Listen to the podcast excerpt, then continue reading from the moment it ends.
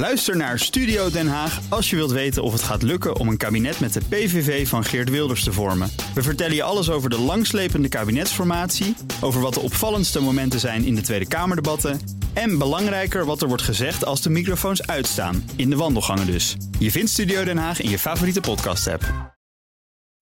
De BNR Techniek Tour wordt mede mogelijk gemaakt door Techniek Nederland. De makers van morgen. BNR Nieuwsradio. De Techniek Tour. Carlijn Meinders. De luchtvaartsector ligt op zijn gat. Nooit eerder zo erg als nu. Dat brengt zorgen met zich mee over banen, over bedrijven, over verloren reizen.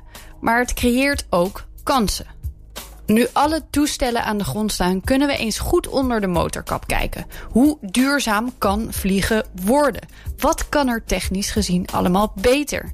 Ik bespreek het met drie experts die graag omhoog en vooruit kijken.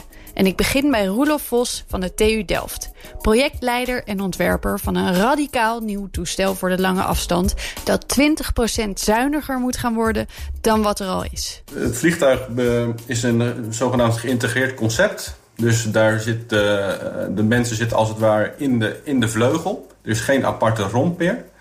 En daardoor uh, is het vliegtuig een stukje kleiner dan het uh, bestaande vliegtuig en heeft minder wrijvingsweerstand. En minder weerstand vertaalt zich eigenlijk direct in minder stuwkracht. En minder stuwkracht betekent minder brandstofverbruik. Dus dat is één. En ten tweede is het zo dat het vliegtuig ook nog lichter is dan het ehm, conventionele toestel. Terwijl hij wel dezelfde missie uitvoert. Dat is wel belangrijk. Dus hij brengt nog steeds evenveel mensen over een even zo eh, lange afstand naar hun bestemming. De Flying V, zoals het toestel heet, heeft de vorm van een, je raadt het al, V. Het concept werd ooit bedacht door een student van de Technische Universiteit Berlijn voor Airbus. Zowel de student als Airbus zijn nog steeds betrokken bij het onderzoek. Inmiddels is het ontwerp wel doorgegroeid. Wat is er aan dit toestel allemaal anders dan de bestaande vliegtuigen? Nou, er zijn een aantal verschillen. Uh, het eerste verschil uh, is dat mensen dus in de vleugel zitten en toch in een, uh, in een drukromp. Dus je weet dat vliegtuigen gaan naar grote hoogte en hebben daardoor een romp nodig die op druk moet worden gebracht, omdat op grote hoogte de buitendruk te laag is. Normaal gesproken, als je dus een, een, een, constructie hebt en die breng je op druk, dan wil die constructie automatisch eigenlijk een bol worden. Ja, dus alles wordt rond. Daarom gebruiken we dus ook van die lange cilinders voor, uh, voor een romp van een vliegtuig. Dat kan hier dus niet, uh, want we, hebben, we zitten in de vleugel. Dus wat we hebben bedacht is een, een, een ovale drukromp... die als het ware op een hele efficiënte manier kan worden uh, opgeblazen. Hè? Dus opgepompt als het ware. Zonder dat je daar heel veel constructiegewicht voor nodig hebt. En dat is denk ik een, een belangrijk onderdeel van deze innovatie. Een ander aspect wat heel belangrijk is, of wat heel verschillend is zou je kunnen zeggen, is het feit dat dit vliegtuig geen flaps meer heeft, geen kleppen meer. Um, normaal gesproken als je gaat landen dan zie je dat het vliegtuig de kleppen slaan uit aan de achterkant van de vleugel en vaak ook aan de voorkant van de vleugel. Nou, die kleppen aan de achterkant van de vleugel die hebben we niet meer. En dat kan omdat het, omdat het vleugeloppervlak uh, ongeveer twee keer zo groot is als het uh, vleugeloppervlak van de normale vleugel. Maar dat betekent wel dat het vliegtuig over, op, uh, op een redelijk steile hoek binnenkomt. Dus als je gaat landen, dan staat de neus van het vliegtuig een heel stuk hoger uh, dan wat je nu hebt. Dus je zit een beetje als het ware achterover geheld in je stoel als je, uh, als je gaat landen. De wendbaarheid is vergelijkbaar met een gewoon toestel en qua breedte neemt hij dezelfde ruimte in beslag. In de lengte is hij zelfs wat korter. De innovatie zit hem volledig in de vorm. Dat betekent dat de technieken die je in de huidige toestellen vindt ook in dit ontwerp zouden werken al zal een piloot wel even moeten wennen als hij ermee zou vliegen. En dat is ook een van de dingen die ze binnenkort in simulaties gaan testen. Wat is dan nu nog de grootste uitdaging? De moeilijkheid hier zit hem echt in, in de integratie. Uh, het feit dat je zeg maar, uh, aerodynamica, constructie en zeg maar, passagierscomfort moet verenigen in één geometrie uiteindelijk. met de vlieg, dat is wat, wat vliegtuigen zo uniek maakt, is dat de buitenkant van het vliegtuig enorm veel invloed heeft op hoe het vliegtuig zich gedraagt. Uh, niet alleen zeg maar, hoeveel brandstof het verbruikt, hoeveel weerstand het heeft, maar ook uh, op het gebied van stabiliteit bijvoorbeeld, of, of op het gebied van besturing. Dus uh, om dat zeg maar, te verenigen met een, een lichtgewicht constructie en een, een binnenruimte die genoeg comfort biedt aan je passagiers. En genoeg ruimte biedt uh, aan je vracht. Nou, dat, dat is echt de uitdaging. Inmiddels werken ze ook aan een hele familie van het ontwerp met verschillende groottes van 240 tot 320 passagiers. En ze kijken naar verschillende soorten brandstoffen. We zoomen even uit en kijken met Erik van der Veen, adviseur voor de luchtvaart bij ADSE, naar de uitdagingen van de hele sector. Ik ben opgeleid in Delft, luchtruimtevaarttechniek. En heb eigenlijk een groot deel van mijn carrière gewerkt in de luchtvaart, militaire luchtvaart, civiele luchtvaart. In, eigenlijk eh, in, in de volledige breedte, in alle facetten. En met een aantal zeer bekwame collega's uit het, uh, die nog uit het Fokker-tijdperk uh, komen. proberen we daarin diverse partijen te helpen in deze zeer interessante luchtvaartwereld en luchtvaarttijd. En als je het hebt over al die facetten, wat voor functies horen daar dan precies bij? Nou, ik heb uh, bij, uh, bij TNO gewerkt, 16 jaar. En daar was de, de, port, de technologieportefeuille dusdanig breed dat ik daar te maken heb gehad met um, biobrandstoffen, uh, vermoeidheid van vliegers, comfort van passagiers, ledverlichting in vliegtuigen, radarsystemen, nieuwe materialen, echt heel erg breed. Een stevige basis om anderen mee van advies te voorzien dus. Natuurlijk kan ook Van der Veen niet om de huidige situatie heen. Niet eerder heeft de luchtvaart zo'n stagnatie meegemaakt als nu. Nou kan zo'n pas op de plaats ook zorgen voor innovatie en vernieuwing. Maar dat is in deze sector, waar ze volgens Van der Veen een verduurzaming voor elkaar krijgen van maar 1% per jaar, makkelijker gezegd dan gedaan. Waarom is dat in de luchtvaart zo moeilijk? Ik denk dat er drie uh, factoren elkaar hierin uh, bedwang houden. De eerste is, is deze, inderdaad. Uh, technologie en technologie-implementatie is duur. En de kostendruk is enorm, want we willen allemaal heel goedkoop ergens naartoe vliegen. Ja. Dus de vliegtuigfabrikant en de luchtvaartmaatschappij die zitten daar zeg maar, klem tussenin. een luchtvaartfabrikant of vliegtuigfabrikant die gaat niet bouwen wat hij niet kan verkopen. En een luchtvaartmaatschappij die kan alleen maar kopen wat er te koop is. Dat is één. De tweede is de technologie aan zichzelf. Op dit moment weet niemand het antwoord, de, de silver bullet, voor het verduurzamen van de luchtvaart. Er is volgens mij ook niet één antwoord. Maar we horen natuurlijk genoeg mooie innovaties voorbij komen die die toch veelbelovend klinken. Eh, toestellen in een andere vorm, vliegen op andere brandstoffen, elektrisch vliegen. Ja. Dan klinkt het toch juist alsof die technische oplossingen er wel zijn, maar ze niet het duwtje in de rug krijgen wat ze nodig hebben. Het zijn uh, mogelijke ingrediënten en, en we denken dat het uh, toch ook een combinatie ervan moet zijn. En een heleboel van die ideeën, dat is nou precies waar ik mee begon, die zijn disruptief, die zijn radicaal. En dat is nou juist zo moeilijk in vanwege de, het, het, het derde facet in het lijstje van Drienet. En dat is veiligheid. Ja. Wij zijn natuurlijk met elkaar gewend dat luchtvaart extreem uh, veilig is. Het is by far de, de veiligste vorm van massatransport. En dat komt omdat de luchtvaart zeer intensief van zichzelf heeft geleerd in de afgelopen honderd jaar. Dus elke ongeval, incident, uh, daar, daar, daar wordt van geleerd en daar maken we een nieuwe regel. En zo is het veiligheidssysteem is enorm uh, omvangrijk en complex. Daarmee ook kostbaar. En een heleboel radicale ideeën, die passen daar helemaal niet in. Uh, ik, ik zal je een heel eenvoudig voorbeeld geven. In een uh, vliegtuig uh, met kerosine, daar stijg je op met een zwaar vliegtuig. Vol met passagiers, bagage en kerosine. En gaandeweg verbrand je die.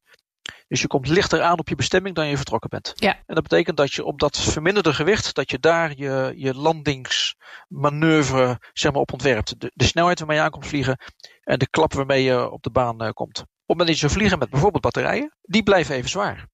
Die lopen wel leeg, maar ze worden niet lichter. Ja. En dat betekent dat je met een veel zwaarder vliegtuig, namelijk net zo zwaar als bij vertrek, dat je daar aankomt. Nou, dat betekent dat je meteen een stuk harder vliegt. En dat betekent dat je harder op de baan komt. Je onderstel moet zwaarder zijn. En dat betekent dat al je simulaties, al je ontwerptechnieken, al je bestaande onderstellen niet zomaar kunt gebruiken. En de training van de piloten wordt daardoor anders, lijkt me. Alsjeblieft, de training, eh, de verkeersleidingmanoeuvres, de afstand tussen vliegtuigen. Lengte van de landingsbaan. De lengte van de baan, de geluidscontouren, de remkleppen. Nou ja, je, je voelt hem wel hangen. Uh, als je aan het ene touwtje trekt, of je verandert iets, dan verandert het hele systeem mee. En, en daar zie je dus die combinatie terugkeren van economie, is het betaalbaar, is de technologie er en is de veiligheid geborgd. En die drie die houden elkaar erg in balans of gevangen, net hoe je dan naar kijkt. Waardoor een heleboel van die disruptieve ideeën uh, heel moeilijk zijn in te voeren. Ook een ontwerp als de Flying V zou dan dus te moeilijk kunnen zijn. Maar moet je dan niet gewoon als hele sector beslissen: dit is wat we gaan doen? Van der Veen denkt dat een vorm van centrale aansturing zeker nodig is. Het probleem daarbij is alleen: het is een wereldwijde industrie. Als je lokaal iets onderneemt en je wordt daardoor duurder, dan zit je in het nadeel ten opzichte van de rest van de wereld. Zolang wij goedkoop, goedkoper, goedkoopst willen vliegen, wil niemand in die positie zitten. Hoe we het gaan doen, dat is dus nog maar de vraag. Maar we kunnen alvast wel kijken naar de technieken die nodig zijn voor duurzamer vliegen. Laten we beginnen bij elektrisch. Dat kan of hybride of alleen met een oplaadbare batterij. De beste batterijen van vandaag, in dit opzicht zijn vaak lithium gebaseerd. En die hebben een uiteindelijk een nuttige energiedichtheid van 250 wattuur per kilogram. Nou, gaan we vergeten. Als je nou optimistisch bent en je zou dat nog wat verhogen de komende jaren, factor 4 of zo, dat is niet niks, maar doe eens gek. Dan heb je 170 ton batterijen nodig voor een vliegtuig voor 200 passagiers naar een zonbestemming. Dat is heel veel. En dat is eh, best een beetje veel. Dan heb je in ieder geval geen ruimte meer voor passagiers. Duidelijk. Dat is denk ik dat zeker is. En dat komt omdat kerosine gewoon een enorm hoge energiedichtheid heeft. Dat is eigenlijk voor een vliegtuig een fantastisch spul.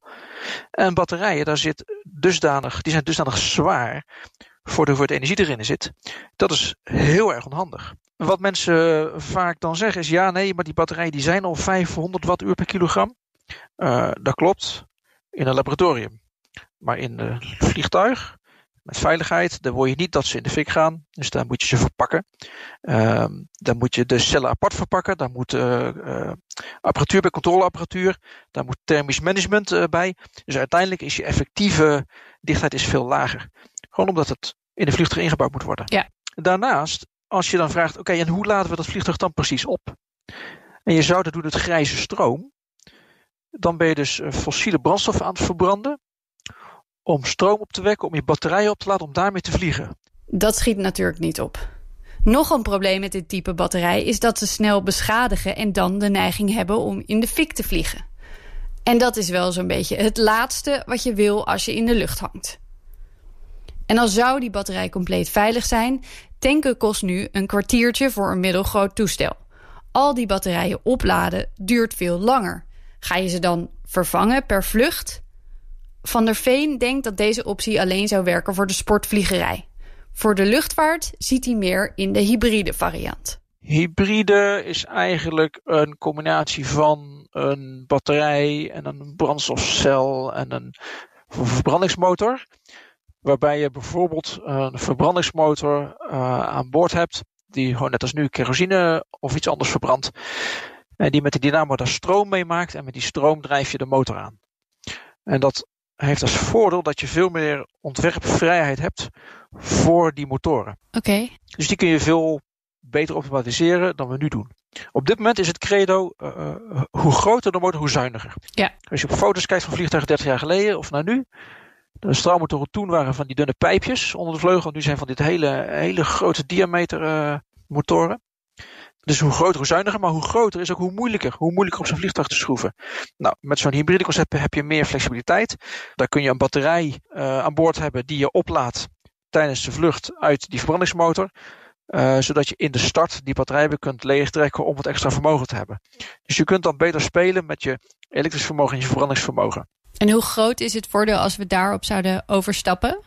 Ja, daar wordt nog druk op gestudeerd. Um, we hebben wel studies gezien die wijzen op uh, geloof 10% brandstofreductie. Met weer een heleboel aannames over laden, opladen en technologie en dergelijke. Maar daar, maar daar, daar, daar zou je dit soort, dit soort getallen wel mee kunnen bereiken. 10%, dat is in deze sector behoorlijk. Maar is zo'n eenmalige verbetering genoeg om de jaarlijkse groei bij te houden? Volgens Van der Veen niet. Daarom moeten we ook naar alternatieve brandstoffen kijken.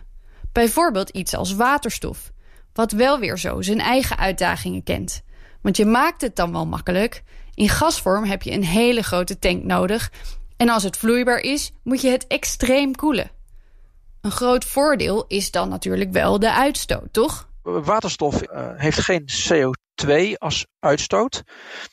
Uh, waar we nog over na moeten denken is dat waterstof heeft uh, water als restproduct.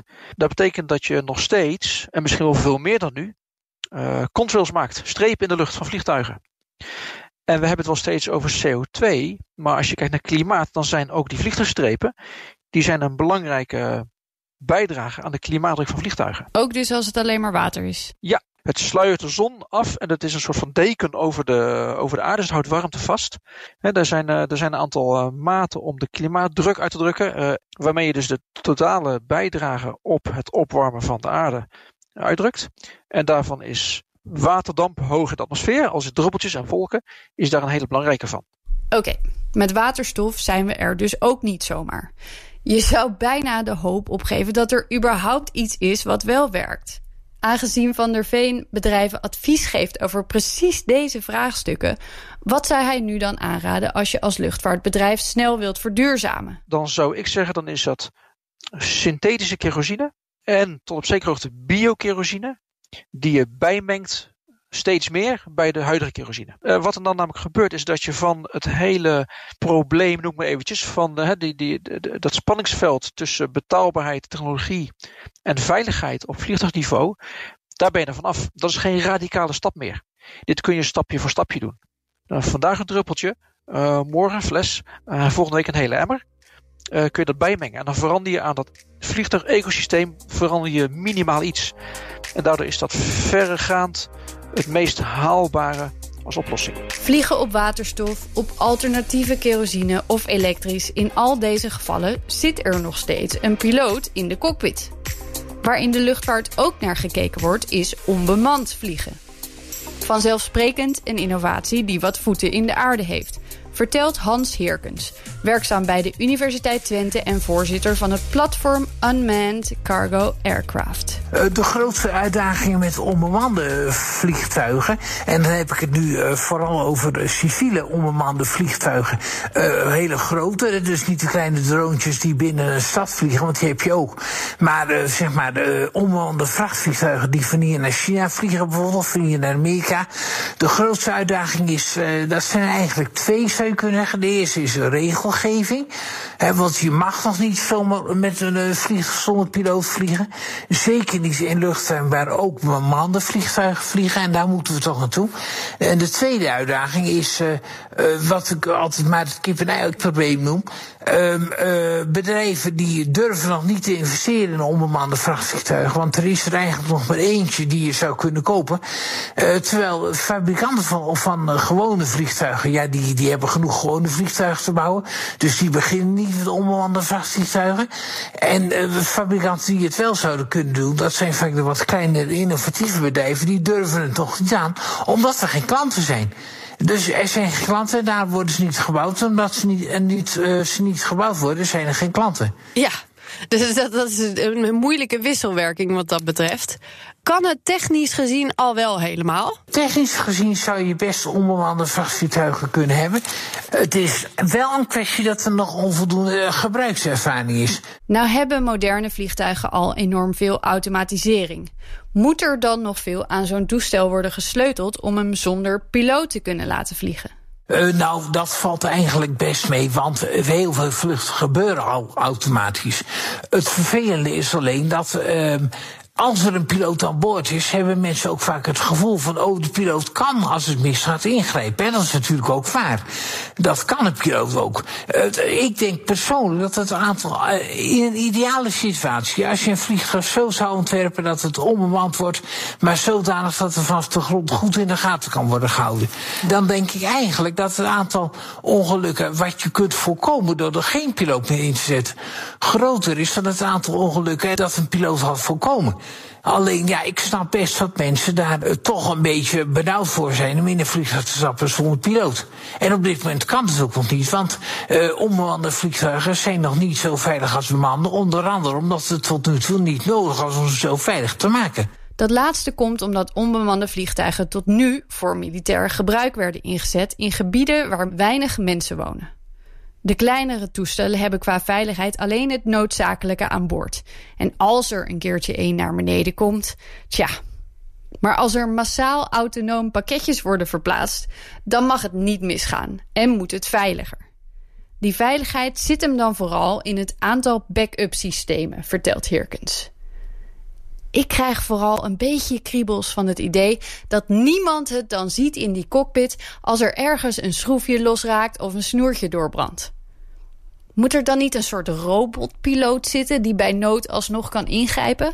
Je kunt twee dingen doen. Je moet denk ik zelfs twee dingen doen. Dat is eerst camera's in het vliegtuig. Want uh, kijk, de, wij hebben ooit vliegtuigen gehad, bijvoorbeeld een Convair B-36 bomwerper. Daar kon, de, daar kon een van de bemanningsleden tijdens de vlucht bij de, bij de motoren. Want die, die zaten in de vleugel en die vleugel was verdikt dat je erin kon lopen. Nou, dat kan toch niet meer. Tegenwoordig kunnen vliegers in de cockpit uh, vaak niet meer doen dan iemand op de grond ook zou kunnen. En dan denk je dat je dus met camera's een hele hoop kunt doen. En je zult een piloot op de grond moeten hebben die een heleboel van die systemen in de gaten kan houden en kan ingrijpen als het misgaat.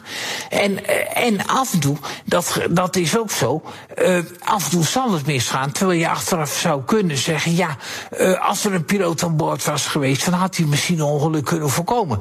Ik denk echter zelf dat als je een onbemand vliegtuig goed, ontwerpt, dat je dan meer ongelukken zult hebben waarvan je zult zeggen, ja, die piloot heeft iets verkeerd gedaan als het onbemand was geweest, was het niet verongelukt. Ja, um, ik kan me ook voorstellen dat het voor de piloot heel anders wordt. Want als je in het vliegtuig zit zelf en er gaat iets mis, dan heb je zelf ook een probleem. Maar als je op de grond de boel aan het bedienen bent, voel je dan niet een hele andere verantwoordelijkheid? Ja, uh, nou dat is, een, dat is een heel belangrijk punt. Er wordt er dus in de luchtvaart gezegd, die piloot is altijd als eerste op de plaats van het ongeval. En dat is natuurlijk ook zo. Uh, de vraag is alleen wel uh, hoe uh, iemand die in paniek raakt omdat hij zelf ook in het vliegtuig zit, is die, uh, soms zal hij dus daardoor juist uh, oplossingen bedenken die iemand die comfortabel op de grond zit niet brengt. Aan de andere kant kan zo iemand ook in paniek raken. En daardoor juist dingen niet bedenken die iemand die rustig op de grond zit wel brengt. Wat Heerkens betreft kan vliegen zonder piloot veiliger zijn dan met piloot. Ik vind het nog een spannend idee. Maar ja, toen de eerste plannen voor zelfrijdende auto's werden gepresenteerd, dacht ik waarschijnlijk hetzelfde. Rest mij nog één belangrijke vraag. Waarom zouden we dit überhaupt willen? Ik denk dat er verschillende voordelen zijn. Uh, ten eerste kun je op uh, plaatsen vliegen waar nu eigenlijk waar je met bemande vliegtuigen uit economische overwegingen niet terecht kunt. Uh, ten tweede, en dat geldt dan voor vracht, zie ik het als heel erg wenselijk dat je bijvoorbeeld industrieterreinen kunt landen om vracht niet weer op vliegvelden af te leveren. Maar s'nachts ga je op een industrieterrein de wegen gebruiken om met onbemande vrachtvliegtuigen te Je levert de spullen af. En de volgende dag leef je de voltooide producten neem je mee met je onbemande vliegtuig. Uh, overdag kunnen de toegangswegen weer gebruikt worden voor auto's. Vliegen zonder piloot, met vloeibare waterstof, in een V-vorm, elektrisch of dat alles tegelijk. We gaan het meemaken.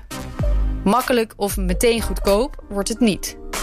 Maar hoe erg zou het zijn als vliegen weer wat minder een koopje en wat meer een luxe wordt? Dan nog een speciaal bedankje voor mijn laatste gast. Ondanks dat hij op het moment dat we belden herstellende was van een beroerte, heeft hij toch twee keer de tijd genomen om mij uitgebreid te woord te staan over dit onderwerp. Daar ben ik hem heel erg dankbaar voor. En ik hoop dat deze bevlogen man snel weer op het testveld of in de collegezaal staat. En daarmee zit deze uitzending erop. Volgende week neemt Pauline Wuster je mee naar de winkel van de toekomst. Tot dan vind je alle afleveringen van de Techniek Tour online en in de app. De BNR Techniek Tour wordt mede mogelijk gemaakt door OTIP. Binnenkort Wijtechniek. Ook Bas van Werven vind je in de BNR-app. Ja, je kunt live naar mij en Iwan luisteren tijdens de ochtendspits. Je krijgt een melding van Breaking News. En niet alleen onze podcast Ochtendnieuws, maar alle BNR-podcasts vind je in de app. Download nu de gratis BNR-app en blijf scherp.